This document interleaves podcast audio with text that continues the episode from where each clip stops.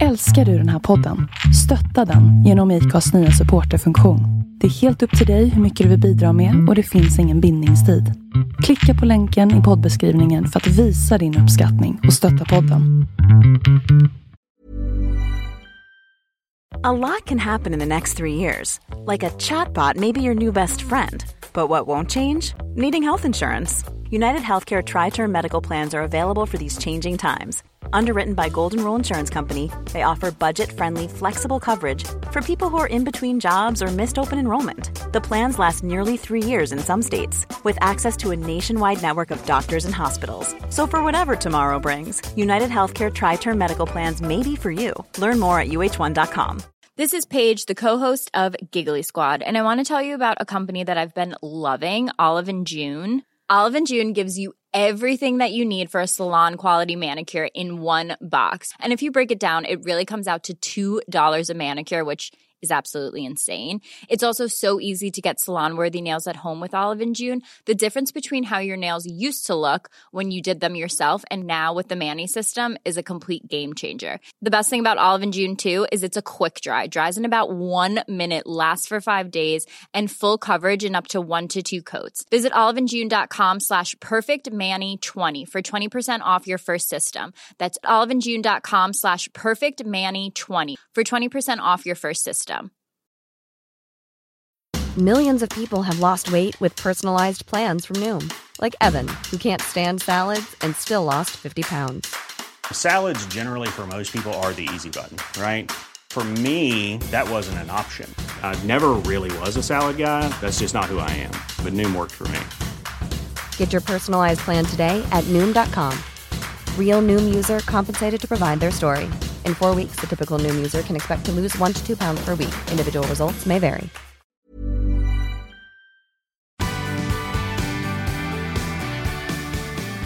Hej och välkommen till Vanlife and Stories. Jag heter Sandra och jag bor i en van. Ni kan, ni kan hitta mig på Instagram, det heter Off the Grid With. Och just nu är jag i Ingarö. På? På Ingarö. Eller? Jag vet inte. Det är inte jag som bor där. På? Jag är på Ingarö. Och jag sitter här tillsammans med, som ni hör, Matilda! Hej! Hej Matilda! Hej! Hur mår du? Jag mår bra. Jag är lite full. Det får du inte ta med. Jo, det kommer med. Jo. Alkoholproblem. Nej, jag Spelar in fortfarande? Ja. Du måste skicka den till mig innan jag kan godkänna den. Nej. Jo, Har man gett sig in i leken får man leken jag tåla. har skrivit på någonting. Om man vill se vem du är. Då, då kan ehm, man staka mig på Instagram. mm, vad heter du då? då? Då heter jag Scandic Vanlife. Mm, Mm. Så kan man skriva till mig där trevligt. om man vill veta någonting. Ja. Ja. Om man vill veta om du är singel eller något. Vad är jag för skostorlek? Ja men eh, ja, vad kul att vara här. I din bil hemma hos mig. Kul att ha dig här. Ja, vad kul att du fick värme i bilen. Ja, gud. Jag står här och Matilda har gett mig el och element. Alltså det är så varmt och gosigt här i bilen. Det är nice. Um, vad vill jag säga? Vi träffades ju första gången Förra sommaren. ja, i Sverige. Ja, Det är sjukt. ja. Jag kommer ihåg det. Mm. Jag tror jag har sagt till dig att jag jag kommer ihåg att jag körde upp och så kramades vi när vi sågs. Ja. Och nu i efterhand så kommer jag inte ihåg varför vi gjorde det för vi kände inte varandra. jag, vet, jag vet inte heller. Alltså det kändes som att så här, vi gjorde det då. Ja, Eller att det var bra. Eller rätt. ja. Men det kändes efteråt så bara... What the fuck Ja! happened? Och du berättade att jag la aldrig upp bilder på mig själv så du tyckte att jag var konstig. jag, jag vet ju inte vem du är då. Nej. Jag är lite hemlig.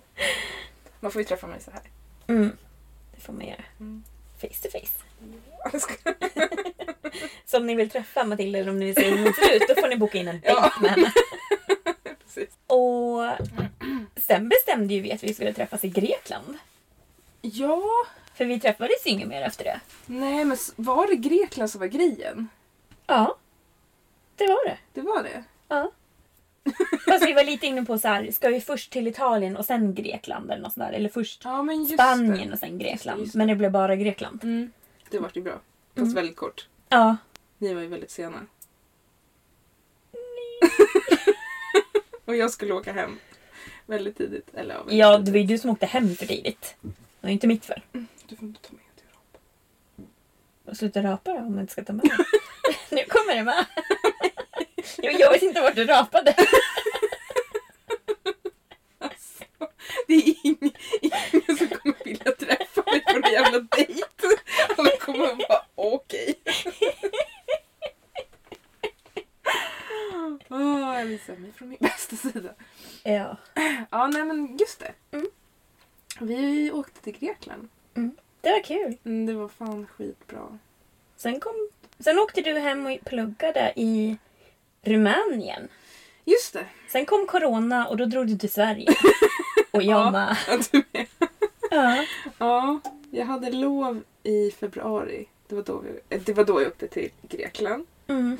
Och eftersom det ligger ganska nära Rumänien så gick det ganska, äh, det gick ganska smidigt ändå. Jag tror att det tog bara Mm. 14 timmar. ja, innan corona är det ju säkert enkelt att åka genom Bulgarien. Men efter corona, det var inte enkelt ska jag säga dig. Nej, för mig var det väldigt enkelt. Mm. Men när jag åkte hem, var det corona då? Nej. Eller, corona fanns men det var inte riktigt i Europa ändå. Nej, just det. För jag hade ju inga problem. Det var ju bara att åka som vanligt hem Ja. liksom. Exakt. Eller hem till Rumänien. Jag tror det kanske hade funnits, fanns där ett fall i Italien eller någonting. Det Mm. där första, det hade inte ens blivit lockdown i Italien då. Just det. Ja, just det, för ni var ju där precis innan. Men nu sätter vi igång. Jag vill höra mer om Rumänien och vanlife. Okej. Det kommer bli kul! Vi får väl se. Vi får väl se. Det blir bara bajshistorier. Nej. Vadå nej? Nej, okej då. Ja.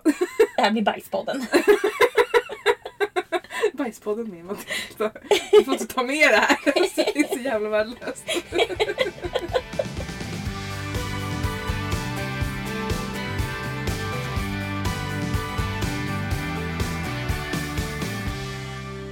Tänkte om du ville börja med att berätta lite om vart du kommer ifrån och vad du brukar göra innan du levde vanlife. Ehm, jag kommer från Stockholm. Mm. I Sverige. I Sverige. I Sverige. Jag är uppvuxen i Högdalen. Eh, och eh, 2012 så köpte jag ett hus på Ingerö. Som jag har nu, där vi står nu. Vad länge du har haft huset. Ja, jag... Jag har alltid velat ha ett hus. Och eh, jag hade inga kan man säga, rika föräldrar som kunde spara barnbidraget i 20 år.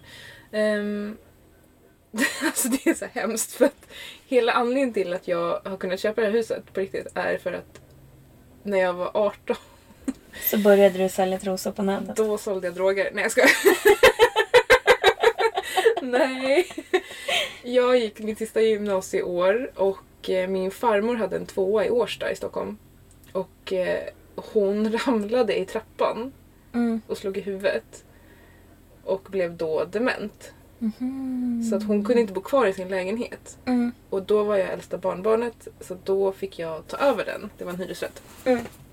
Eh, och då var jag ju typ 18 så jag kände yeah jag ska byta den mot en etta på Söder. Det är klart man ska bo på Söder. Årsta är ju helt ute. Nu är Årsta väldigt inne. ja. Alla som bor i Stockholm vet det. ja. Eh, men jag bodde kvar där och sen så, ja, så träffade jag min pojkvän och så hade vi lägenhet och sen så lyckades jag byta den tvåan mot en, an, en lite större lägenhet i Hammarbyhöjden och sen lyckades jag byta den lägenheten mot en blivande bostadsrätt Mhm. som jag kunde sälja. Jag förstår. Så att det var så jag kunde köpa mitt hus. Men hur fungerar det när det är en blivande bostadsrätt? Är det då man får så här, köpa det för billigt? Eller vad? ja, precis. Okej. Så att jag hade, det var lite så här, alltså det, för de som håller på med här, byta lägenheter, alla vet ju att det är skitsvårt. Eh, och det finns en massa sajter. Och just där, om man vill ha en blivande bostadsrätt, det kan ju vara att folk i föreningen eller så här, pratar om det, men det är inget klart. Mm. Men jag hade en sån jävla råtur att den tjejen som hade den här lägenheten, hon, det, det var redan klart. Så att hyresvärden hade redan sålt till föreningen. Eh, och efter det här så hade de ett halvår på sig att få köpa om man liksom skulle ångra sig. Mhm. Så det var liksom redan klart. Så att när jag tog över lägenheten så köpte jag den på en gång. Mhm. För ett billigare pris. Och så renoverade jag upp den och så sålde jag den efter tre månader. Oj, det var ändå snabbt. Japp. Du köpte, du köpte den för att kunna, Ja. eller du tog den för Ja. att kunna köpa den och sälja. Ja, och det, jag vet att det är många som inte tycker att det är en bra grej liksom. Mm. Men jag sålde den för typ det dubbla som jag fick köpa den för. Mm. Så att hade jag inte haft det så hade jag inte kunnat köpa mitt hus. Nej. Nice. Grattis! Ja, men det var så här, det, det låter som att det hände på en kvart. Men alltså jag höll ju på att jobba med de här bytessajterna i typ sex år. Mm. Och så här, första bytet var ju bara för att få en lite större lägenhet med ett lite bättre läge för att kanske kunna byta den mot något annat. Mm. Så det tar ju tid. Mm. Och eh, det, jag tror bara att det var tur. Mm. För hon den här tjejen som hörde av sig, vi hade inte ens ett så kallat byte utan hon bara såg att jag var väldigt aktiv och ville komma närmare stan. Så Mm. hon bara skrev till mig direkt att så här, om du är redo att byta så, så kan jag tänka mig att byta. Mhm. Så det var bara astur Mm. på riktigt. Alltså, Verkligen. nu känns det som att vi pratar jättemycket om min lägenhet. så helt ointressant. Men då köpte du ditt hus. Och för hur gammal var du 2012? Lika gammal som jag var, men jag kommer inte ihåg hur gammal jag var 2012. Nej men det är väl åtta år sedan. Ja, 25 var det. 25 var jag. Mm, 25. Så vid 25 bast så blev du husägare. Mm. Det är sjukt. Vad jobbade du med då när du höll på med alla de här bytena? Eh, Då jobbade jag inom Stockholms stad. eh, Som eh, typ badmästare, simskollärare. Så jobbade jag ett tag som så här simskoleanordnare typ. Mm. Mm. Wow! Ja. Så du kan simma? Ibland. Med puffar. Nej, ska Jag skojar, men du kan, du kan liksom alla de här märkena. Jag kan simma på rygg. Jag kan simma mage. Jo men det var skitkul, jag trivdes jättebra faktiskt. Uh, Jag började jobba eh, inom Stockholms stad när jag var 16. Så att eh, jag trivdes, det var därför jag stannade.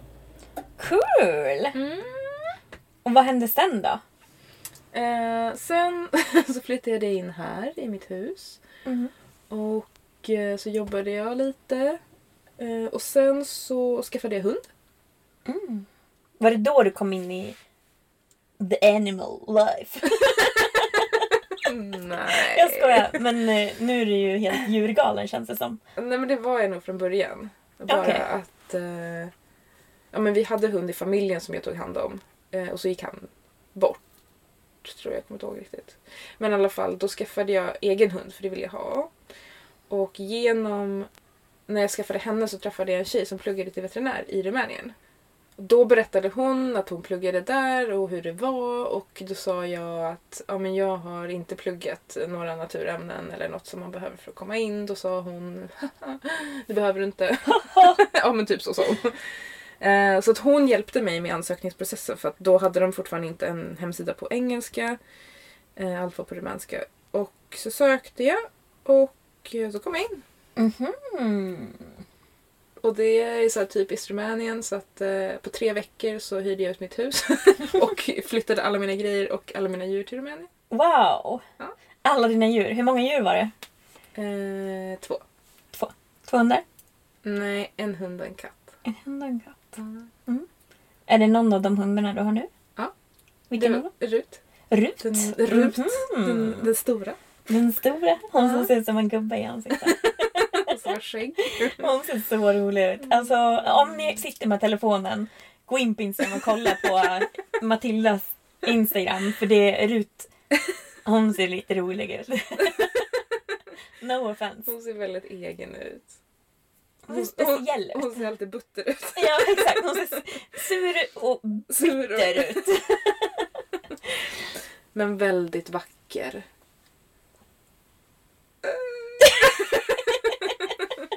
Hon skrattar du?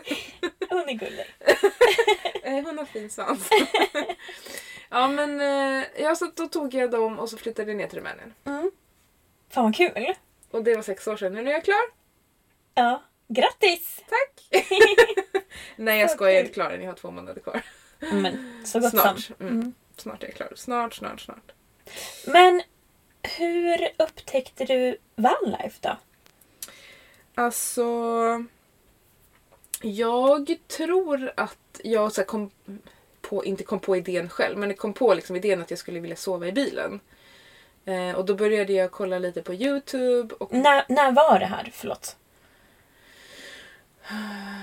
det var kanske fem år sedan. Men var det efter flytten till Rumänien? Ja, det var efter flytten till Rumänien. Mm. För att när jag bodde, när jag flyttade ner då hade jag typ en sån liten Skoda. Alltså man kunde ju inte ens sittligga i den liksom. Mm. Eh, och sen så hade jag den jättelänge. Men så ville jag också ha en fyrhjulsdriven bil för att kunna liksom, åka runt i bergen där nere mer än vad jag redan gjorde. Eh, och då tänkte jag, men varför köper jag inte en då där man kan fälla sätena och slänga in en madrass liksom. Mm. Då kan jag åka ut med bilen, campa, alltså att jag får allt i ett liksom. Så då försökte jag hitta en sån bil och då hittade jag en som jag köpte. Eh, vad var det för något då? Det var Nissan X-Trail. För de som vet vad det är. Eh, någon SUV. Mm, men den gick jättesönder. Så att eh, på min första... Det är också så här, om man ska prata vanlife, det var ju ingen van. Men eh, min första resa som jag gjorde i Europa, då var jag ute i två månader. Eh, den här jävla bilen, den gick ju sönder typ på alla ställen den kunde gå sönder. Nej. Och det var så här, no joke. Jag hade köpt sån här, det är något som heter rain rails. Mm. Som man kan sätta för fönstren så att det inte ska regna in. Så man kan ha vindrutan typ 5 cm öppen Mm. och så regnar det inte in. Exakt. När jag körde på motorvägen då bara flög de av bilen i fart. Och eh, så var det så här på vägen till, då åkte jag till Kroatien bland annat, jag var i Ungern också. Eh, men då gick AC'n sönder. Och det var ju så här 40 grader varmt. Nej. Så jag var skitstressad hela tiden för att hundarna skulle ha det för varmt i bilen. Mm. Och bara därför, typ på alla jävla motorvägar, så var det kö. Mm. Vägarbeten.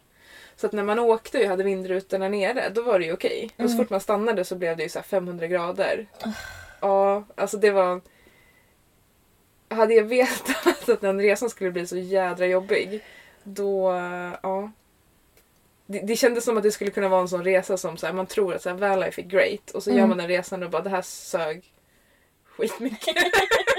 vad, vad är det här för skit liksom? Ja. Varför ljuger alla? Men eh, så att jag åkte med trasig kamkedja från eh, Kroatien till Sverige. Åh gud. Ja, Ja. och jag stannade typ i Tyskland för att försöka få hjälp och bara såhär, kan jag fortsätta köra? Vad är det som händer? Mm. Eh, och jag tänker på det du berättade, att du hade dåliga erfarenheter. De var skittrevliga och de så här, kollade igenom hela bilen. Och så efteråt så var det faktiskt en, en gubbe som kom fram så här, la handen på axeln och bara We can, we can do nothing. och jag bara, vad menar du? Han bara It is nothing to do. typ att den var så himla trasig så jag bara okej.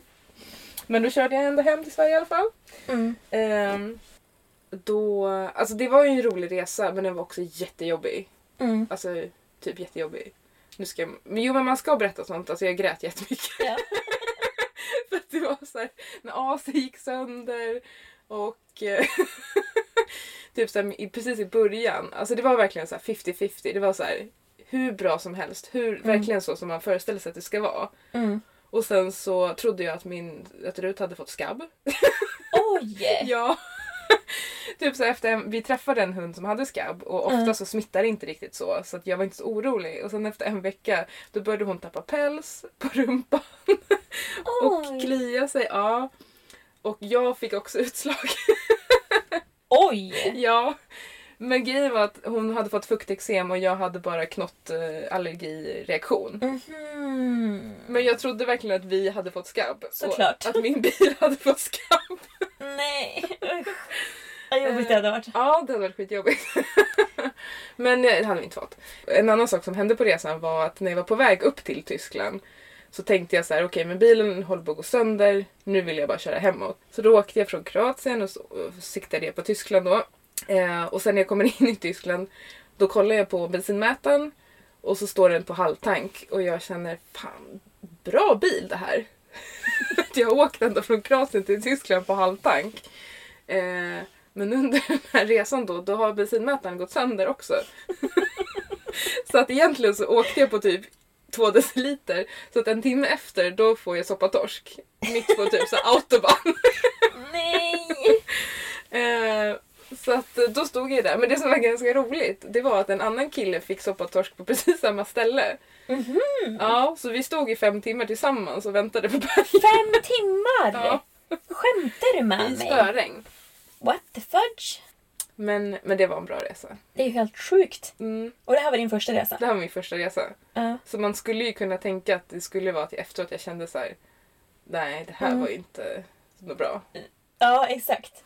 Men du bara, nej det här var kul! Ja, let's do it again! Let's buy a new car! Jo men då, det som var bra då var att jag lyckades faktiskt när jag kom till Sverige, jag lyckades ta mig till Gotland. Mm. För min pappa Med samma bil? med samma bil. Fråga mig inte ja, hur det gick, men det gick i alla fall. Mm. Eh, och då åkte jag runt på Gotland. För de som har varit på Gotland, det är inte så stort.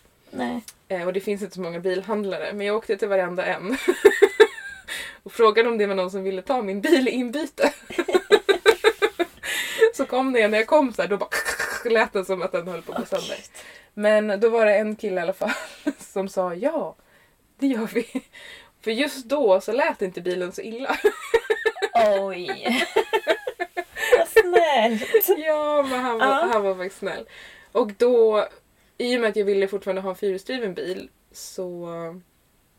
Eh, det var ju fler som kunde erbjuda en, om man ska säga en vanlig kombi. Mm. Men då så när jag kom dit så sa han ja, vi har en.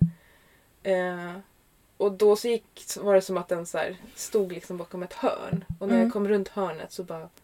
Ah, here you are! eh, och det är nog den bästa bilen jag haft. Mm. Det är en Mitsubishi Pajero Sport. Mm. Ehm, och den har funkat hur bra som helst. Så den hade jag i två år. Mm. Tills förra sommaren. Men det är också en relativt liten bil. Ja, eller liksom... Den är en ganska stor SUV. Eller vad man ska säga. Den är Mm. nästan fem meter. Men det är väl en personbil fortfarande? Ja, det räknas som personbil. Ja, Ja, För jag kan ingenting om bilar. Jag tänker att vissa lyssnare kanske inte heller kan någonting om bilar. Men vad, alltså, som en Jeep fast den är ingen Jeep-märke. Mm. Typ så. Mm. Ehm, Men det är sjukt att du så här, fortfarande väljer en, en personbil när du har två hundar. Ja, men jag tror att det var fyrhjulsdrift. Att jag verkligen, verkligen vill ha fyrhjulsdrift. Ja. Och det var ju därför jag valde den vanen som jag har nu också. Mm. För att den har fyrhjulsdrift. Mm.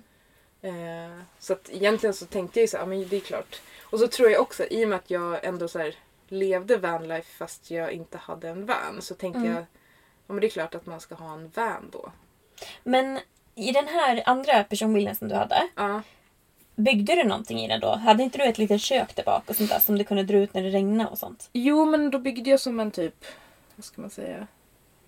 Ingen, ingen garderob men typ ett skåp med en utdragbar låda. Som jag kunde ha mitt kök i typ. Mm. Så då kunde jag dra ut den från bakluckan och så kunde jag stå under bakluckan och Mm. laga mat. Exakt. Ja, Och sen hade du ju en säng också som ja var precis. där i, där bak Ja, liksom. precis. Så du hade ju byggt en, en vanlife-bil kan man säga. Mm, men den vart lite mer seriös för den Mm. första bilen jag hade den byggde jag på parkeringen i Rumänien med typ en sticksåg bara. Mm. Eh, och det, det funkade jättebra. Alltså det var Mm. samma idé.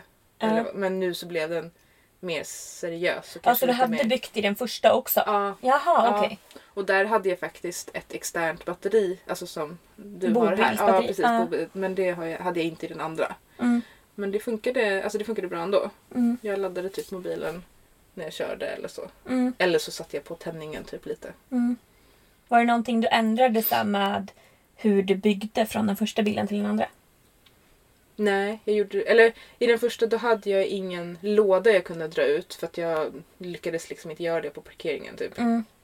Då hade jag som en lång typ skärbreda. Skärbreda. Mm.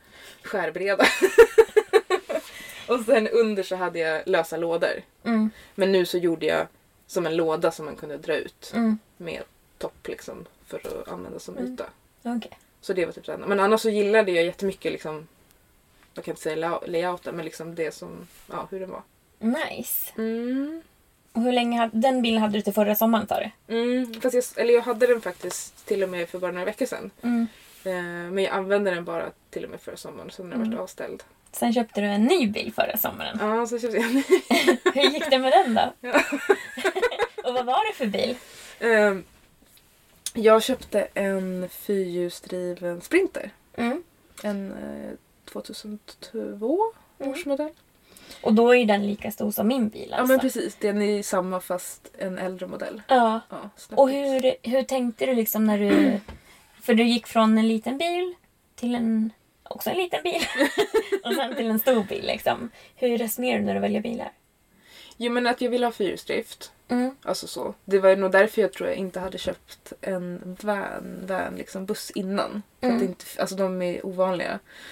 Så att när jag hittade den här som jag köpte nu, då var jag fortfarande i Rumänien. Så att jag hade en kompis som var här hemma som ringde på den. Mm. Och sen så han som sålde den var schysst så att han höll den till mig. Så att då flög jag bara hem för att köpa bilen och sen åkte jag ner till Rumänien igen och fortsatte den liksom terminen. Mm. Och sen när jag kom hem förra sommaren eh, då började jag liksom bygga, bygga om den. Mm.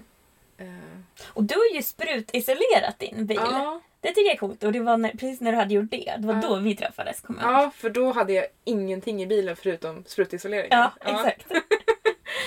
Jo men det var alltså det var skitsmidigt. Mm. Det var, ja, det var jättesmidigt. Det enda var att så här, och det gör väl alla, att man river ut allting. Mm. Alltså att den är helt så mycket clean som möjligt. Mm. Och så sa han att så här, ja men försök att liksom, vad heter det, spray...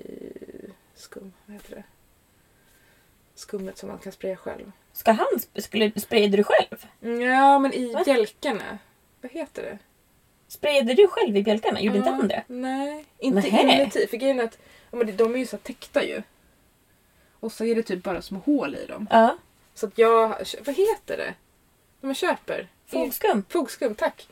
Eh, så då, Ja, men jag fattar inte att du gjorde det själv. Jag trodde han gjorde det. Du betalade ju han. Liksom. jo men i, alltså, i bjälkarna. Mm. Ja, så bara inuti dem Mm. så gjorde jag, alltså vad tog det? Typ en kvart. Mm. Och sen så körde han hela bilen. Mm. Utom i bjälkarna. För Men där, då kunde du gjort hela bilen själv ju.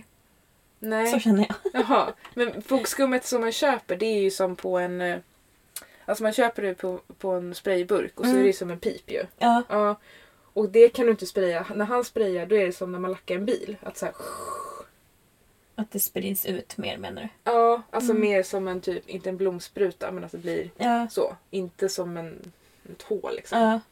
Och det som jag tyckte var så coolt det var att jag kom, jag tror att jag kom dit typ sju på morgonen. Mm. Eh, och jag åkte if- därifrån typ nio. Allt var klart, allt var härdat. Mm. För när jag såg när han hade sprayat klart så hörde jag hur han, han gick runt i bilen. Och jag bara... Men hur... typ vad oseriöst, han kan inte gå på det liksom. Ja. Det blir förstört. Ja. Och så öppnade jag för det så här, hur går det här inne? Men då var det ju verkligen så här, ding ding, alltså det var stenhårt. Mhm. Så att allt från liksom att han, han tejpade och maskerade och lite så här. Mm. Alltså det tog två timmar. Hur mycket fick du betala, betala för det? Alltså jag hade ju... Han som gjorde det skulle inte ha gjort det egentligen. Mm. Utan det var samma ki- kille som gjorde Puttes bil. Mm. Eh, men så höll han på att strula som in i helskotta. Så till slut så bad han den här killen, han som skulle ha gjort det, om en tjänst. För han, den andra killen bor någon annanstans. Mm. Så att den här killen sa att okej men då får du pröjsa samma pris som du har kommit överens med honom om. Vilket Mm. var 5000. Mm. Men efteråt så sa jag att så här, jag tror att fler kan vara intresserade av det här. För han var så himla duktig, jätteproffsig, jättetrevlig liksom. Så jag sa att om det är någon som frågar vad, vad skulle du ta för det här? Mm. Och då sa han, nej men då vill jag ha 10 000. Mhm. Men det tror jag, alltså jag tycker ändå att det är värt det. Mm. För jag tänker folk som håller på att isolera, de kan ju lägga typ två veckor på det. Om man liksom inte har 30 dagar på sig. Men sen så tänk- Jag la inte två veckor på det. Nej men jag tänker för du isolerade väl med gul ull, alltså med glasfiber. Ja. Ja, och det går ju mycket fortare. Du Mm. behöver ju inte täta, du bara slänger in det där det finns plats liksom. Jag Men- hade ju fog, fogskum i bjälkarna också. Ja. Och så hade jag frigolit på golvet. Så jag, hade, jag har ju lite olika. ja. Nej men så att jag var nöjd med det. Mm. Mm. Nice. Ja, sen byggde du och din pappa bilen väl? Ja. Här i Sverige. Mm, mm, mm. Mm. Så att det spenderade vi hela förra sommaren med. Mm. Eller två månader i alla fall. Mm. Sen skulle du åka och då gick bilen sönder 51 gånger. Åh, fy fan. ja. Eh, nej men det gick så flera gånger. Ja. Ja. Det var ju ett helvete för dig att ta dig ner till Rumänien. Ja. Och nu är den fast i Rumänien. Nej men nu lämnade, nu är den okej. Eller liksom, Mm. nu går den att köra. Och den, jag har ju använt den nu. Den är massor. Ja. Men nu lämnade jag den i Rumänien för att min mekaniker skulle kunna fixa fyrhjulsdriften innan jag kommer till Sverige. Om två veckor då ska jag åka ner och hämta den. Mm. Om jag får för flyg. Men det verkar som att man får flyga och att det är okej. Mm. Så jag hoppas det. Men du bor ju i bilen med en himla massa djur. Hur många djur har du? Tre. Tre. Ja. Vad är de för några då? Två hundar och en katt. Mm. Hur är det att bo på fem kvadratmeter med så många djur? Nej men det går jättebra. Det gör det faktiskt. Det enda som... Om jag ska klaga på någonting Mm.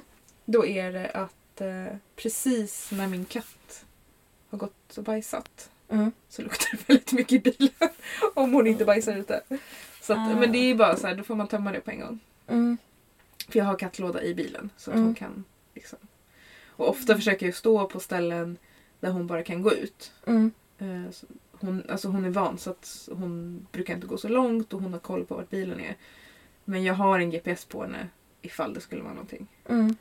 Så att det, ibland så är hon lite så här att hon inte vill komma hem och då kan jag se på GPSen att hon sitter typ 20 meter från bilen. Och så ropar jag på henne och så vill hon inte komma. Men, eh, men oftast så kommer hon. Mm. Och annars så går jag och hämtar henne.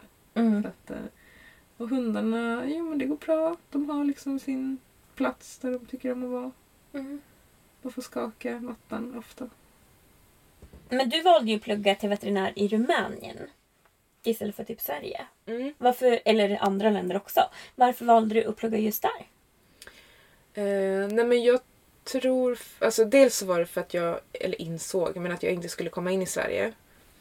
Eh, det är så himla höga intagningspoäng och mina gymnasiebetyg var inte så bra. Mhm. Eh, och då kollade jag på, eller jag skrev högskoleprovet och fick väl 1,2 eller sånt där. Men jag tror att man behöver 1,8 eller något för att komma in. Och då var det så här, ja men om du skriver fler gånger så brukar man höja sig. Men det kändes ändå väldigt högt. Alltså för att jag skulle höja mig så mycket. Mm. Och då så den här tjejen då som pluggade där då sa att nej men sök. Liksom. Mm. Så jag tror att hade jag inte träffat henne Mm. då hade jag kanske sökt... Jag vet inte om jag hade... Jo men jag kanske hade liksom kollat, börjat kolla lite. Mm. Men det gick så smidigt och så snabbt när hon hjälpte mig. Mm. Och sen att jag kom in på första försöket kändes som så här. Det hände ju inte. Mm. och så gjorde jag det. Så då kände jag nej men det är klart jag måste, måste flytta. Mm.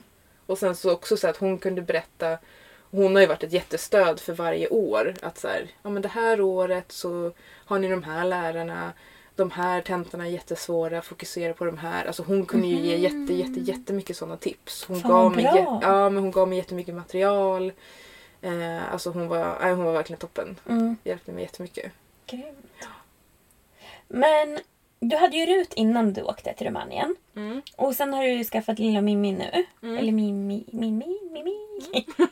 Mimmi. Ehm, men dina hundar, är båda, eh, såna eh, har, var båda hemlösa hundar innan? Mm. Um, alltså Rut skaffade jag ju när jag bodde i Sverige. Mm. Men hon kommer från Rumänien. Så att de hittade henne vid eh, kusten. Mm. Och eh, ja, det blev ju typ att jag köpte hund på postorder liksom. det skulle jag inte göra igen, tror jag. Men, eh, men det blev ju väldigt bra. Hon är ju jätte, jätte, jätte, jättebra. Mm. Alltså, så. Och sen eh, så har jag fostrat flera hundar under de här åren. Eh, men känt att jag inte vill ha två. Och Rut är tio nu. Och så kände jag att jag skulle vilja ha en till hund men jag vill inte ha en ung hund. Mm. Och då blev jag tipsad av en kompis i Rumänien som visste om Mimmi. Och eh, så åkte jag och hälsade på henne två gånger. Mm. Och så tyckte jag att hon var alldeles för liten. Hon kan ju inte springa med de där små benen. Alltså gud, ja återigen gå in på Matildas eh, Instagram. För den här lilla hunden, alltså de är som små stumpar bara. Det är som att det är... Jag vet inte hur man, ska förklara. Men ja, hon har ju en bastant kropp och sen har hon små hotdogsben typ. Som är kan- jättekorta. Hon kan springa jättefort faktiskt. Nej men jag tänkte på riktigt, jag, när jag tog hem henne ändå så tänkte jag ändå att så här, Nu kommer jag på. Hon, nu, men ta inte illa upp för hon ser inte ut som en. Ta, lova inte ta illa upp nu. ja vi får se. Hennes kroppsform är det jag pratar om nu. Är ju, har, ju- och hennes ben har ju typ samma proportioner som en råtta. Alltså, fattar du? Det är en ganska stor kropp för de små benen. Ja just det. Det är så jag menar. Men Ja. hon ser inte ut som en råtta alls. Nej, det gör hon ju Nej. inte. Nej. Hon är söt. Eller hur? Ja, jag Mm. lovar. Bra.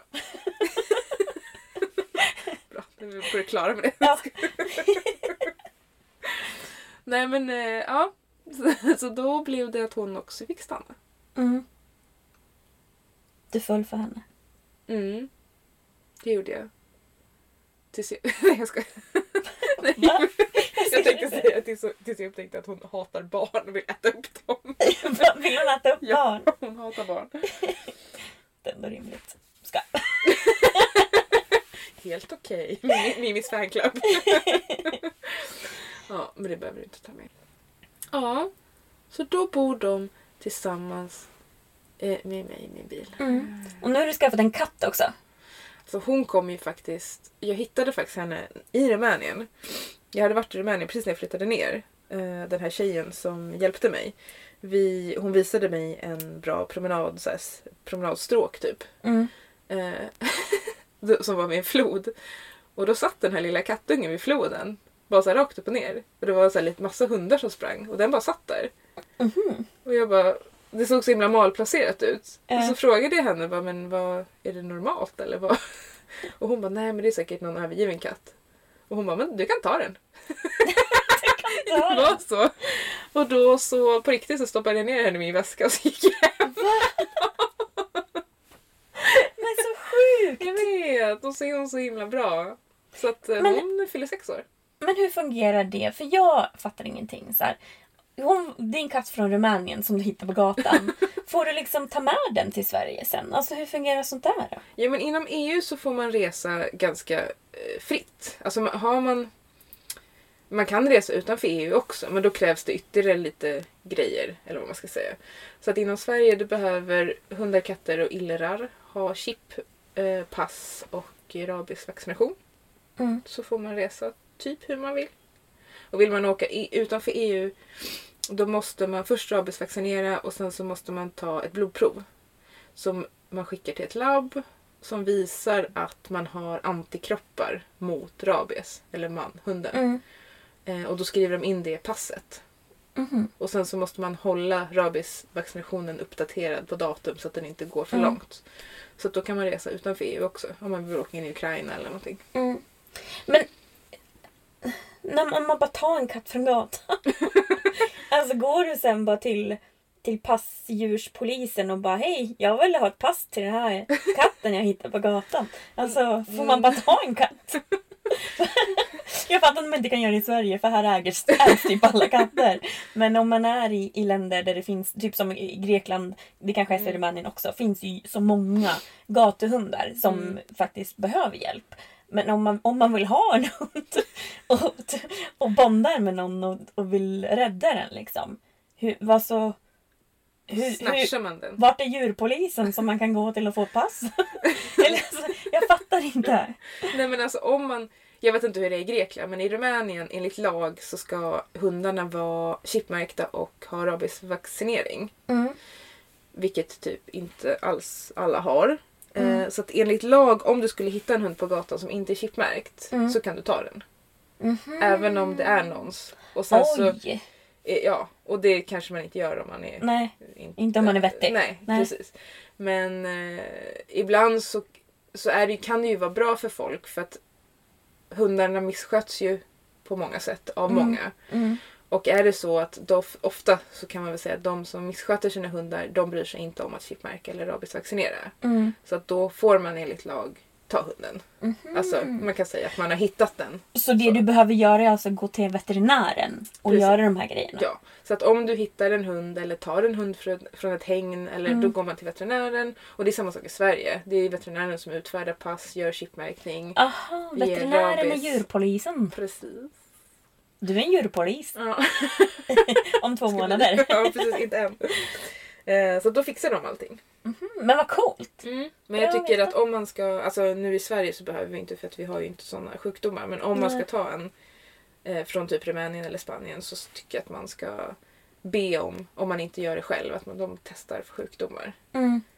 För att det, det är många som vi inte har här och liksom gatuhundar eller rescuehundar har ändå ett lite dåligt rykte för att det är många som smugglar in och inte fixar pass och chip och tester. Jaha. Ja, Oj, vad konstigt. så det blir lite att de dras över samma kam. Ja. Så att smuggelhund, jag vet inte, eller folk som kanske inte är insatta, nu antar jag bara. Men då blir det som att ibland så får man den reaktionen att så här, okej men jag har adopterat eller importerat eller liksom köpt den här från utlandet. Så relaterar folk ibland till smuggelhundar som är väl de som syns mycket typ nyhetsflödet. Och då blir det att smuggelhundar kommer med sjukdomar, vilket de säkert gör. Alltså för att de inte är vaccinerade. Mm. Och inte omhändertagna. Liksom. Om man gör det på rätt sätt då är det inga problem. Det kan fortfarande vara problem, tyvärr. Alltså de kan ha sjukdomar som man ändå inte upptäcker. Jaha, jag tänkte att då löser man det. Men nej, okej. Ja, men man, man är så safe man kan vara. Ja. Och det, men det som jag också kan så här, känna det är att Många veterinärer pratar om att okej man ska inte, eller veterinärer, men folk man ska inte adoptera ibland och man ska inte mm, sjukdomar. Men alla, nu generaliserar jag fördomar kanske, men till exempel vi som reser med djur eller alla pen- pensionärer som åker ner till Spanien med sina hundar Mm. på vinterhalvåret. De kollar ju inte sina djur för leishmania, också generaliserar jag. Men det är inte vanligt att man gör det när man kommer hem till Sverige. Men det betyder ju inte att de inte kanske har fått leishmania. Vadå, det är en vanlig hundsjukdom i de länderna? Ja eller men, vadå? ja men precis, som ett exempel en sjukdom som man kan få. Eller som de kan få. Och hundar smittar varandra? Eller vadå? Jag fattar inte. Hundar kan smitta varandra och i Sverige så har vi inte den Eh, Sjukdomen? fuckord. Vi har inte den sjuk- eller vi, vi har inte den sjukdomen men sen så har, för att sjukdomen ska spridas vidare så måste man ha en speciell mygga och vi har inte den myggan i Sverige. Mhm. Än så länge. Okej. Så att, eh, och sen så finns det, så här, om man pratar om den parasiten så finns det, jag vet inte om det stämmer, men det finns en studie i Finland som visar på att två hundar har blivit smittade utan att ha varit utomlands. Mhm. Och det är ju liksom, vi har ju global warming. Alltså Ja. det, det, det ändras ju. Ja. Så att eh, kan man så kan man väl testa sin hund för det. Och det är ju billigare att göra utomlands. Mm. I Sverige så kostar det ju skjortan. Ja, det är väl, allt är väl billigare i de där sydeuropeiska länderna Ja. egentligen. Men jag tänker också så här, har man ett djur vill man väl dens bästa. Man borde vilja testa för allt. Ja. Men Så det är ju bara bra. att... Om den inte, för den mår väl inte dåligt av att bli testad eller? Nej, alltså det är ett blodprov. Ja. För nästan alla av Så det dem. är ett blodprov och sen kan man använda det blodet till alla Ja. de testerna. Ja. Då är det väl självklart man gör det tycker jag. Ja, och det tror jag också. Men jag tror att det inte är så många som är medvetna. Mhm. Jag tror att det. Alltså, man, man vet inte. Nej. Det handlar nog inte om så här illvilja eller att man precis. inte Okej, väljer bort det. okunskap mer. Ja, men precis. Men då är det bra att du pratar om det nu för nu Ja, kanske vi har lärt någon Precis. någonting. Så är det någon som vill veta någonting om djur och resa med djur, då kan Ja. man fråga mig. Ja, Ja, nej, då men- får ni skriva ja. till Scandic Vanlife. jag, tror, jag har ju gjort det innan när jag har rest med andra som har djur. Och vi så här, skulle åka till vissa länder. Ja. Då har vi skickat, eller jag tror jag har så här, tagit en, en printscreen av deras fråga och skickat till Matilda och bara Matilda, de undrar det här, svara dem. Eller så här. Jag ska börja fakturera. ja. nej men alltså jag tänker att det är bra och det är så svårt att så här, hitta information. Mm. Alltså det är verkligen det. Mm. Och sen så varje land har individuella regler, vilket också kan vara svårt att hitta. Mm. Så att eh, man får jättegärna fråga. Mm. För jag tycker att det är roligt. Eh, ja men så att det är bara att höra av sig. Men det bästa är ju självklart om man har en egen veterinär så bara ta kontakt med er klinik om resor. Eh, om man har några frågor. Mm. Och Jag tycker att man ska resa med sina djur för att Ja. jag, det gör dem gott. Och de brukar tycka att det är kul liksom. Mm. Och speciellt Vanlife, det är ju perfekt. Ja men det är verkligen det. Om inte hunden blir åksjuk. Vissa hundar mår ju inte bra av att åka bil. Precis. Så det får man väl testa först. Ja, Helt enkelt. man kan åka lite hemma. Ja. Men så jag vet inte, jag tycker att så fort man sover i bilen, Mm. alltså när jag haft fosterhundar och sådär. Eh, I min svart, eller min eh, eh, förra bil, Mm. den som var lite större än den första, då sov vi fem hundar en gång och jag. Mm. Det var jävligt trångt. Men det gick bra för att vi brukade alltid åka i den bilen och de var bekväma över varandra. Mm. Och vi hade hajkat innan, eller vad säger man, vandrat Mm. innan så de var trötta. Så det gick bra. Så ett tips kanske är att åka på några korta resor först för att kolla att allting funkar och alla mår bra. Ja men precis. Och alltid, det är alltid bra oavsett vad man ska göra. Om man ska göra någonting som är liksom kanske psykiskt krävande att man försöker trötta ut hunden fysiskt först. Eller Mm. psykiskt också. Alltså, så att den är lite trött innan. Mm. Men sen så kan man också göra så man kan på riktigt bara så här, alltså gå ut och sova i bilen på uppfarten. Mm. Eller på parkeringen. Mm. Så att, eh, Smart. ja. Och Bra det är också tips. typ en så här, inte, inte ge upp, jag vet inte vad folk har för hundar. Men alltså också så här, hur vanlife är. Min första Mm. natt i bilen var hemsk. Mhm. Rut skällde hela natten. Åh. Och jag också så jag bara, ja det är så här det ska vara. Det är kul att du inte har gett upp vanlife. Nej, jag vet inte varför. jag var helt slut när jag vaknade. Men, eh, men det, var, det var bra. Nu Mm. skäller hon ju inte längre. Nej. Men man ska inte ge upp. Mm. För det är bra. Det är bra. Det är ju bra. Det är därför vi håller på med det. Mm. På riktigt. Vanlife är livet. Livet! Ta inte med det. Livet! Jag kommer ta med det. Nej. Jo. Ehm, vad har du för planer och drömmar framåt? Jag drömmer om att jag ska gå klart min skola. Igår. Nej. så fort som möjligt. Nej men eh, jag ska bli klar i sommar. Och sen så har jag fått jobb i höst. På ett djursjukhus. Som jag börjar första september. Mm. Det ska bli jättekul. Mm. Men jag har också lite ångest för att jobba. Såklart. Såklart. Eh, och sen så ska jag försöka spara pengar. Och... Eh, alltså jag är ju jätte, jätte, jättenöjd med min bil. Min van som jag har nu. Men jag tycker att den är lite... Ja, den är inte för stor. Men det är bara... Sorry, det var Siri. Håll käften Siri. Eh, men jag tror att jag skulle trivas bättre med en mindre bil igen. Mm. Men inte så liten som den jag hade innan.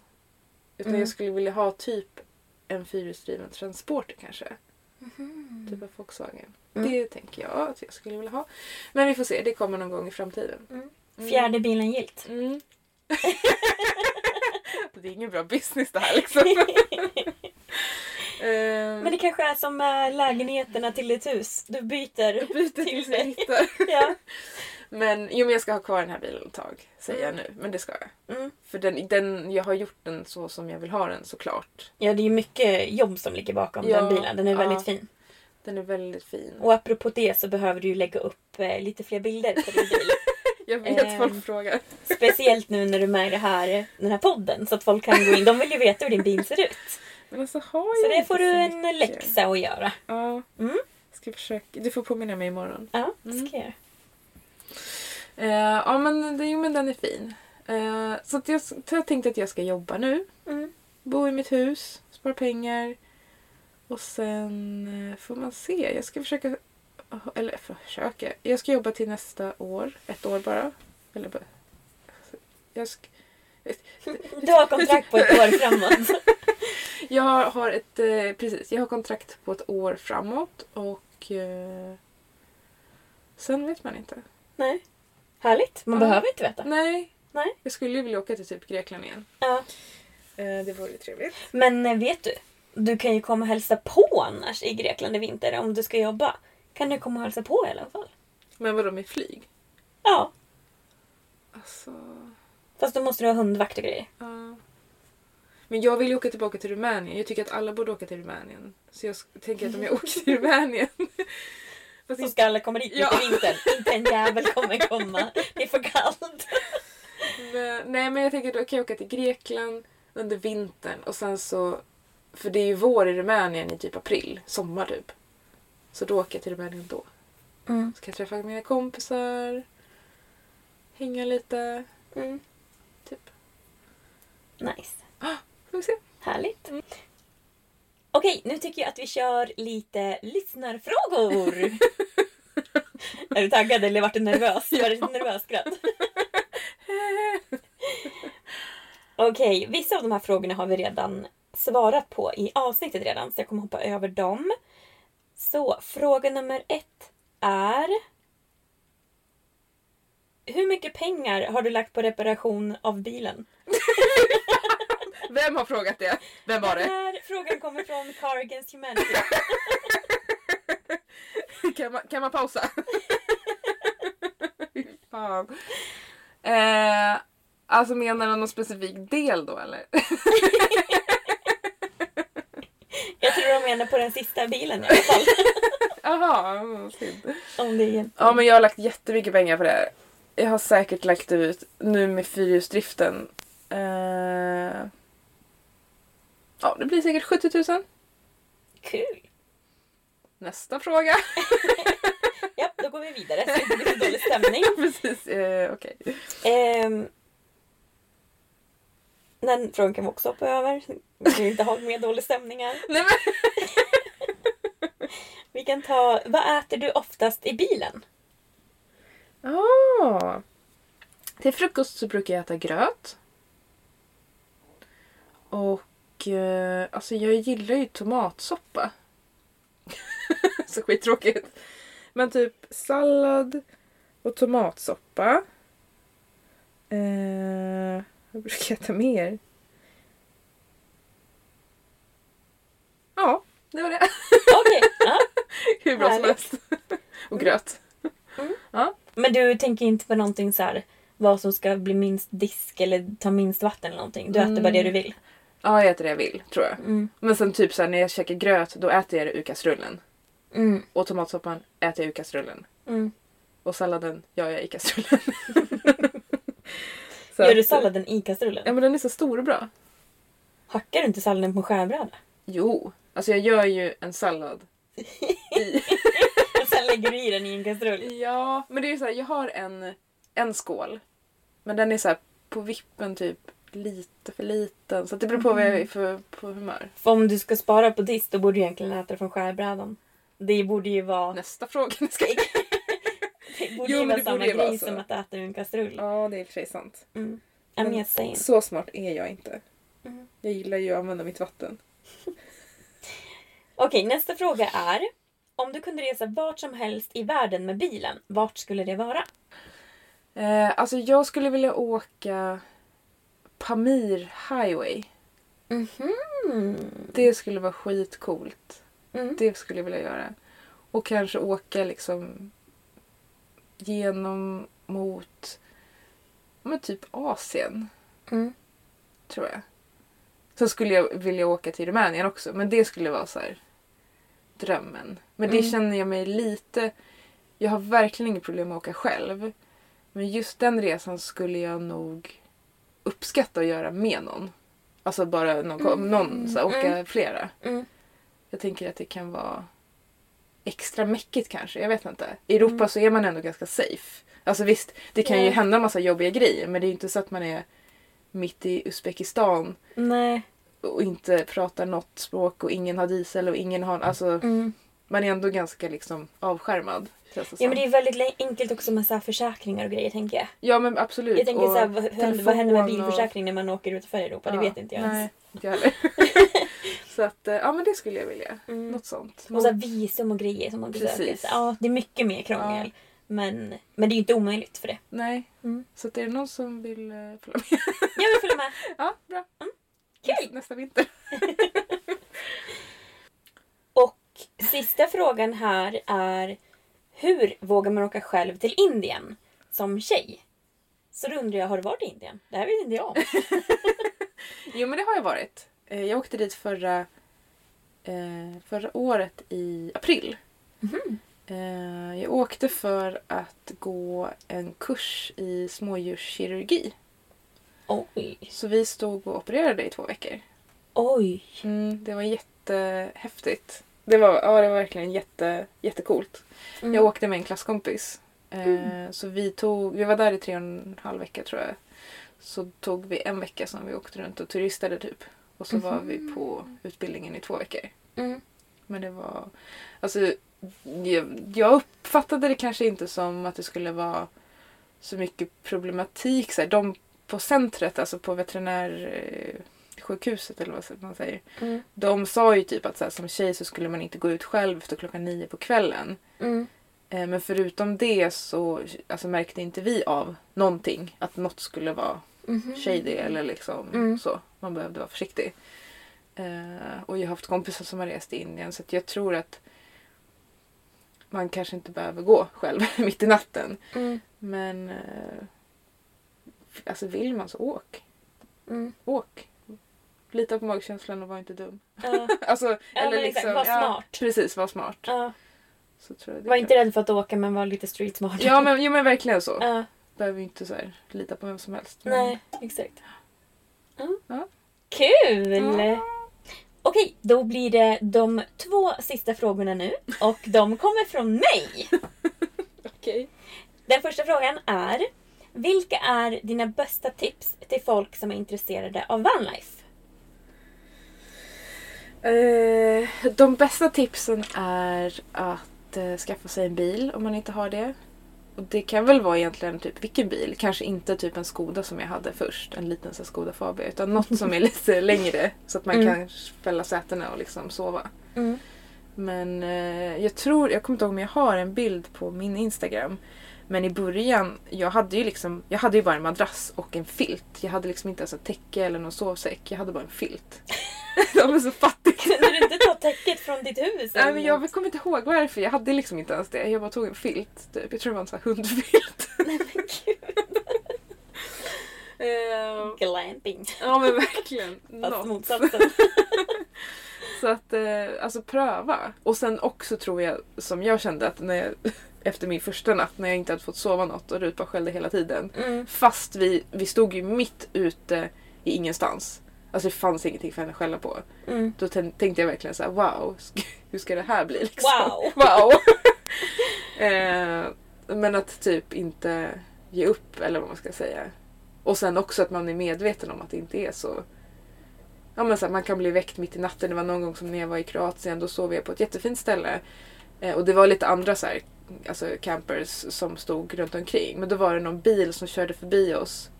Typ två gånger i timmen hela natten. Mhm. Och jag kände mig bara säker för att det var andra, andra folk som stod ändå ganska nära. Ja, Men det är sånt så här, jag sover inte så mycket. nej. Alltså att man ändå är beredd på att så här, det inte bara är... Om man ska ge sig ut på sådana resor liksom. Att Mm. det inte bara är Ja, perfekt nej. hela tiden. Ja, exakt.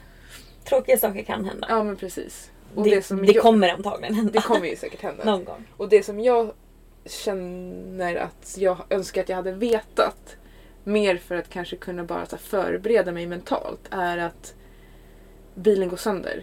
Mm, Och det är skitjobbigt. mm. Det är det verkligen. Det är alltså, och speciellt så här, nu vet jag inte, jag har ju bara rest med djur. Men alltså har man hund så tror jag att det är, alltså jag känner att det är jobbigare. För att jag kan inte bara så här, ta mig själv och göra vad jag vill. Utan Mm. jag måste hitta ett hotell om jag ska bo på hotell som tar emot hundar. Mm. Eh, jag måste, om jag ska åka buss, då måste jag ha med mig mina djur också. Jag kan inte bara liksom, det blir inte lika smidigt. Mm.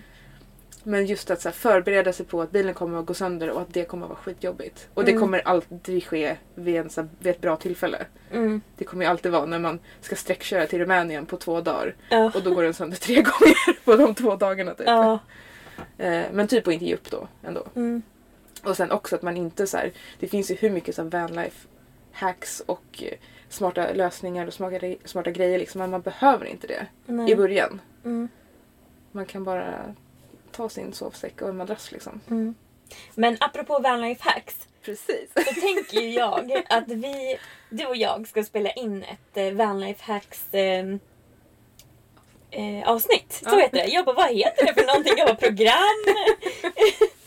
eh, nej men ett vanlife hacks avsnitt. Mm. För det tänker jag att folk ändå vill veta. Ja men precis. Men det är också saker som att man behöver inte alltid från början men man, man lär sig lite utefter. Och jag tror att det är ett, ändå ett intressant avsnitt. Ja, men för, ska man göra det här så är det ju bra mycket skönare med en hel del grejer. ja. Men man behöver dem inte för att börja. Nej, att- men det kan också vara liksom så saker som hur man har löst vissa grejer. Mm. Och bara att veta det kan ju vara skönt. Att man Precis. redan har hört det någon, från någonstans i någon gammal podd sådär. Ska vi se. Ja. Nej, men så det tror jag är Mm. riktigt grymt skulle jag säga. Men det är lite konstigt. Nej men jag tror det kommer bli riktigt bra. Det var Ja. nog det jag menade egentligen. Det tycker jag. Okej, fråga nummer två är. Vad är det pinsammaste som har hänt dig i ditt liv som vanlifer? Då ska jag berätta det nu. Mm, det tycker jag. Det var på min första resa med min trasiga bil. Då åkte jag till Kroatien. och då hade jag pratat med en, eh, en kille på, och hans tjej. Och hans tjej på eh, en Facebookgrupp som heter Vanlife Europe. Ja! Ja, och han var så alltid aktiv och verkade vara så himla trevlig och han så svarade alltid att han ville ge tips och, så här. Så att han, så skitgullig var han verkligen. Mm. Eh, inte så gammal, jag tror han var typ 20 år eller något. eh, så han kom och mötte mig nära gränsen. För att bara så här, köra med mig när jag skulle åka mot kusten. Mm. Eh, och då visade det sig att hans föräldrar hade någon olivodling. Mm. Så då sa han att du, du får gärna stå här i natt. Det är din första natt här. Så han var från Kroatien? Han var från Kroatien. Mm. Eh, och eh, då ställde jag mig där och det var som en så här, eller det var som en ficka så det var precis i en kurva i en, vid en väg. Mm. Men vägen var, alltså den var jätte, jätte, jätte, jätteliten, typ en grusväg för så en bil. Mm. Han bara det kommer typ aldrig några bilar här så jag bara okej gud vad schysst. Eh, och jag har ju lite så svårt ibland på morgonen att folk så stör mig. Så att jag måste få så här, vakna och komma igång och sen så kan jag vara social. Mm.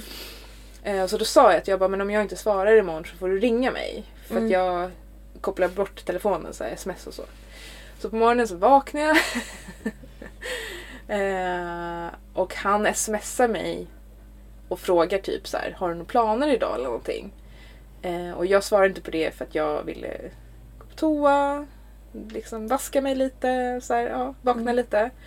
Och så svarade jag på det kanske efter en halvtimme att så här, ja men vi gör så här. Och så känner jag att okej men jag måste för de som inte vet då, när man bor i en liten bil så som jag bodde då, då hade jag ingen toa, alltså ingenting. Så att jag kissade bara i naturen eller bajsade i en påse. så att när jag stod där då så kände jag ju då att jag behövde bajsa. Så då plockade jag fram min påse och så Gjorde, bajsade du på sig utomhus eller i bilen? utomhus. Så att jag stod ju oftast... Jag vill nog inte ha den här historien. Så att jag... det, här är, alltså, det här är så roligt. Jag känner att det Fast det är också jätteäckligt. Okej, ja. Ja, ja. Så, du står ute och ska bajsa i påse? Ja, men det var ju Ja. liksom ingen runt omkring så det gjorde inte så mycket. Men för säkerhets skull så satte jag mig liksom bakom bilen så att om det skulle vara någon som körde i kurvan så skulle de ändå inte se mig bakom bilen. Mm. Så jag lägger ut den här påsen, eh, sätter mig ner då för att bajsa och sen och så, så hör jag att det kommer en bil. Nej. Men jag känner att så här, det gör, de ser inte mig så det gör ingenting. Och eh, så att jag sitter kvar där och då så inser jag att den här bilen som kommer det är han. Nej. Så jag sitter där helt naken, Nej. Inte klar Är liksom. du naken också? Ja men underdel, jag hade t-shirt på mig Jaha, jag trodde du var naken. Nej jag var inte helt naken. Men jag hade bara trosor och t-shirt på mig. Jag var först så här sovkläder. Så sitter jag där, jag är inte klar, inser att han Nej. stannar och bara shit. Nej. Och så då blir jag lite nervös och så kanske typ något råkar, det här är så äckligt alltså. Men jag tycker man ska vara ärlig. Åh, jag mår så dåligt just nu. Så då kommer det lite utanför påsen så jag försöker att så hafsa ihop den här påsen snabbt som fasen. Hinner ju inte torka mig så jag drar upp trosorna nej. bara. Knyter ihop påsen med bajs, slänger upp den på taket på bilen. Va? För jag visste inte vad jag skulle, det var som att jag bara så här, fann mig inte så jag slängde upp den på taket. Hinner resa mig upp. Det här är den äckligaste biten. Inser att jag, det har kommit, inte så mycket, men det har kommit lite utanför påsen och det står mina hundar och äter upp. Nej. När han går runt hörnet på min bil och bara Hej, god morgon! och jag tror inte att han fattade något av vad som hände de tidigare så här, 30 sekunder innan han gick runt min bil.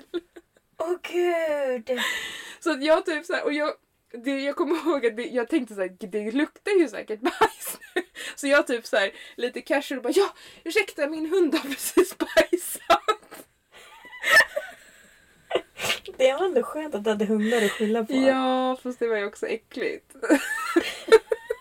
Och jag tror att jag typ så hade bajsben i handen så jag var tvungen att stå lite och luta mig för att så, Alltså det var så hemskt. Så att jag tror att jag var så lite trevlig. Men jag tror att jag var lite otrevlig också för jag hade ju sagt att så här, jag tycker inte om när folk bara kommer, du måste säga till innan. Mm. Och då sa jag lite så här, han bara ja jag vill höra. hur-" Och då var jag ju typ så här, vi kände ju inte varann. Ja. Och jag stod ju där i trosor. Ja, Och jag tror också att han kände lite så här, oj hoppsan. Så här, ja. "Ö." Men jag kände att du får ju vara den som tycker att det här är jobbigt för jag är ju typ naken liksom. ja. Men jag var nog lite så här dissande så att han var så här: okej jag bara men åk in till stan du så jag kommer om en halvtimme jag måste fixa lite saker. Mm. Så han stannade väl typ en minut och sen så åkte han och, och jag... så att så kan det ju gå. Det ska man ju vara vara medveten om. Det gå! Så kan det gå. Visdomsord från Matilda, så kan det gå. Oj jösses. Ja, det var väldigt roligt. Efteråt så, så kommer jag ihåg att jag stod där och bara, vad fan hände? Jag undrar om han också undrade det. Ja, jag undrar om han också fattade att... Ja, jag fattar. Träffade du honom? I stan? Ja, ja, ja. Du gjorde det? Ja, vi hängde typ i flera dagar med hans tjej. Alltså så här, vi gick och käkade på någon uteservering och så. Det kanske var tur att han inte var en så här potentiell date-kille. Utan det var en som redan hade ett förhållande. Vadå då? Men jag tänker att om, om det var någon du så här, var lite intresserad av så kanske det hade varit lite jobbigare. Nej men då alltså, hade Då hade det varit lugnare! ja, hade han inte kunnat ta det då, då hade han ju inte haft mycket att hämta. Har du sådana krav på killarna du? Ja! Vadå om vi, om vi bor i en bil till exempel och jag måste bajsa? Nej men att det ska vara så okej att så här, andra dagen han träffar dig då ska det vara okej att du att dina hundar äter din bajs, du har en bajspåse. Vänta, vänta. Du har en bajspåse på bilen, har bajs i händerna och bajs i röven. Det ska vara helt okej. Annars kan killen dra. Då kan vi snacka soulmate. Oj jösses. Bara för er som lyssnar så har det hänt en gång i mitt liv. Men nu vet ni, alla killar som är intresserade av Matilda, tycker att hon är lite söt och sådär. Nu vet ni vad det hänger på. Alltså hjälp mig. oh my god. Japp, ska du pausa nu? Nej. Nu kommer faktiskt min allra sista fråga. Okej. Jag ljög lite innan jag sa två frågor. Okej. Min sista fråga är Har du någon fråga till mig? Okej, jag har en fråga. Vad är det absolut jobbigaste som har hänt dig? Det absolut jobbigaste är också Det är en svår fråga. Ehm, men jag kan ju... Jag vet inte om det egentligen är det jobbigaste för efterhand så känns det som en trivial sak. Ehm, men jag vet att jag tyckte att det var den jobbigaste stunden. Ehm, det I var... hela, i hela vä- i ditt vanlife-liv? Ja, liksom. och Ja. du kommer bara, men är du dum i huvudet? Typ. men det var när jag var, jag var i Spanien och eh, sen hade jag varit på en här couchsurfing-träff och träffa sen några spanska tjejer som skulle ha inflyttningsfest. Och så bjöd de mig och så gick jag dit och sen blev jag skitfull och så gick jag på krogen och blev ännu fullare. Um, och mitt i det där så var det någon som stal min mobil. Ehm, och det tyckte jag var jättejobbigt.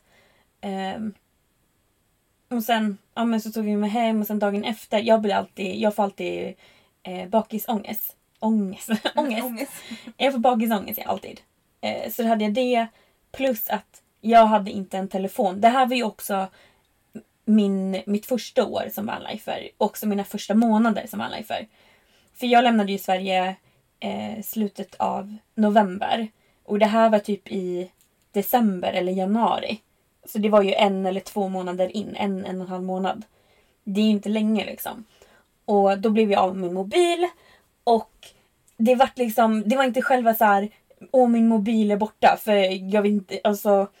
När jag växte upp, jag tappade varje mobil jag hade i toalettstolen.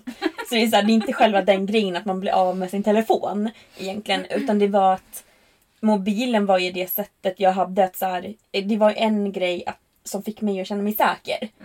För det var ju så här, just då i början var jag väldigt noga med att så här, ha mobilen laddad bredvid sängen när jag sov så att jag skulle kunna ringa polis. Eller alltså sånt liksom. Och nu vart jag av med den möjligheten. och då tyckte jag att det var väldigt, väldigt, väldigt jobbigt. Men det är svårt att förklara för det låter så himla töntigt att såhär, ja ah, det värsta som har hänt dig det är att du blev av med din mobil. Men, men det är liksom så mycket mer runt det och sen samtidigt hade jag den här bakisångesten och det är liksom, det är inte att man har ångest jag hade ju inte ångest över att jag blev av med mobilen liksom, utan det är bara en känsla som är i mig.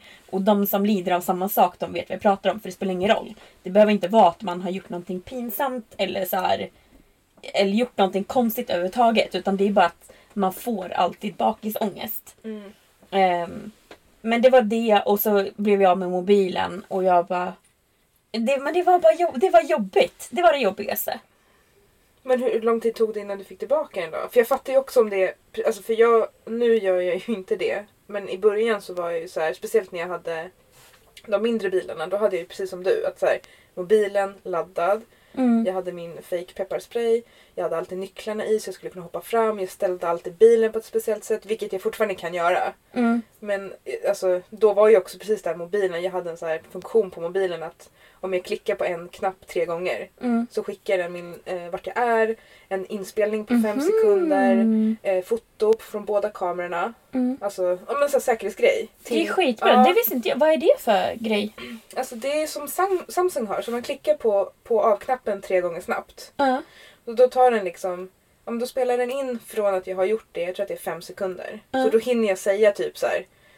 Jag står vid eh, Konsum, hjälp mig nu. Ja. Eller typ så Tar här. en sån här GPS-position Ja, och då skickar den en satellit också. Så Mhm. även, jag fattar det som att även om man inte har täckning så ska den kunna skicka. Okej. Så det är jävligt smart. Jag vet Shit, inte om iPhone har det. Inte vad jag har hört, men jag visste inte det om Samsung heller. Nej. Det kanske jag ska googla på. Det borde ju finnas någon bra app också. Ja. För just att, den är så, att det är så lätt att bara så här. Man behöver inte öppna någonting utan det, Mm. man kan- liksom bara ha den stängd. Mm. Så skulle det vara så att det är någon som ser mig också så ser de ju inte att jag står där och klickar liksom. Nej, exakt. Alltså så. Ja. Ehm, så. Men jag fattar, alltså, speciellt om det var i början för dig också att så här, Mm. har man, man kan inte kontakta någon. Man har Nej. ingenting och nu på bra, både gott och ont, alltså man hänger ju ganska mycket på telefonen. Mm. Det blir som att man står där och är helt avkapad från Ja, världen. exakt. Man säger kontaktar inte sina vänner eller inte sin familj. Alltså så här, det var bara jobbigt liksom. Mobilen hamnade i eh, Afrika. Var det så? Mm, det finns ju så här, hitta min iPhone. Va? Åh gud, min mage, hörde du? Ja. Men vadå? I Afrika? Varför Ja. då? Han som snodde den var väl därifrån. ja, Ja, jag, jag, var ju i södra Spanien. Afrika är ju nära. Ja, i och för sig. Det var i Marocko den hamnade. Den plingade till där typ två, tre gånger efteråt. Så kan man skriva så meddelande också som de ser så här, när de ansluter till wifi. Ja. Jag bara I'm never gonna lock up this phone asshole! Men vadå? Det fattar jag inte. Så här, de kan ju inte använda den då, eller? Nej, men de kan ju typ eh, montera isär den och sälja delar eller så. Jaha, okej. Vad jag fattar som. Men jag är ingen telefonexpert så jag vet Nej, inte. nej. Men jag låser aldrig upp den i alla fall. Obviously. Ja. Ja, Det var mitt svar. bra svar. Jobb, eller jobbigt svar. Ja. Mm. Men jag tänker också det är bra för det visar ju så att ja, men, för om jag hade blivit av med mobilen här i Stockholm när jag på där. Då skulle jag inte tycka att det var jobbigt på samma sätt. Det skulle Nej. vara så här bara, aha drygt nu måste jag polisanmäla och, och köpa en ny telefon ja. liksom. Men det hade ju inte gjort någonting Nej. på samma sätt. Men det blir en helt annan sak när man bor i bil för man, man känner sig mer utsatt. Mm. Speciellt i början. För att mobilen är en så stor del av en säkerhet och hur man tar sig runt, alltså så med GPS och allting. Mm. Liksom. man, man har sin bankapp där i får föra över pengar och Mm. Alltså man gör ju allt i mobilen. Och det var väl det som var grejen. Ja, verkligen. Ja, men precis. Man kan ju inte ens åka med bilen. Eller åka, men man, då ska man ha stenkoll så att man Mm. kommer tillbaka om man nu vill göra det. Ja, verkligen. Bra att du har tagit dig igenom det. jo, men. Go me!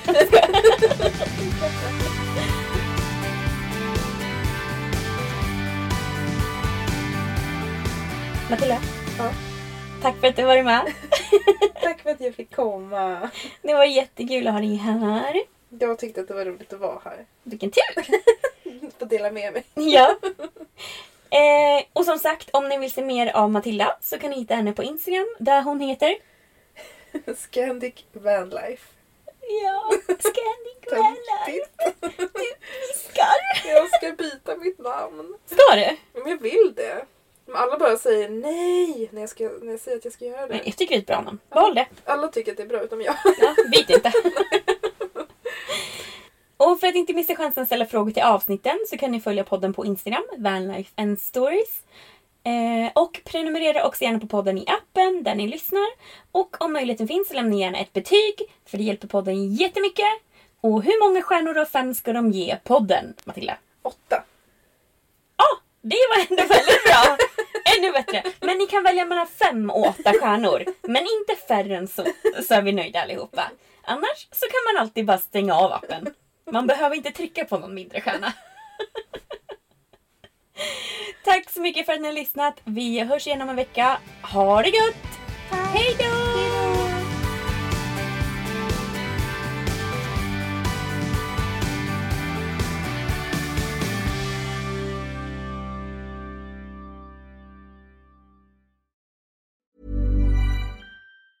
Planning for your next trip? Elevate your travel style with Quince. Quince has all the jet setting essentials you'll want for your next getaway, like European linen, premium luggage options, buttery soft Italian leather bags, and so much more. And it's all priced at 50 to 80% less than similar brands. Plus, Quince only works with factories that use safe and ethical manufacturing practices. Pack your bags with high-quality essentials you'll be wearing for vacations to come with Quince. Go to quince.com slash trip for free shipping and 365-day returns. Hey, it's Paige DeSorbo from Giggly Squad.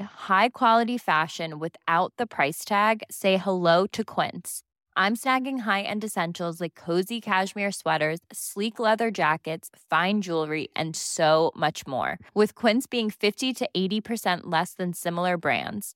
And they partner with factories that prioritize safe, ethical, and responsible manufacturing. I love that. Luxury quality within reach. Go to quince.com slash style to get free shipping and 365 day returns on your next order. Quince.com slash style. Imagine the softest sheets you've ever felt. Now imagine them getting even softer over time. That's what you'll feel with Bowl and Branch's organic cotton sheets. In a recent customer survey, 96% replied that Bowl and Branch sheets get softer with every wash. Start getting your best night's sleep in these sheets that get softer and softer for years to come. Try their sheets with a 30-night guarantee. Plus, get 15% off your first order at bowlandbranch.com. Code BUTTERY. Exclusions apply. See site for details.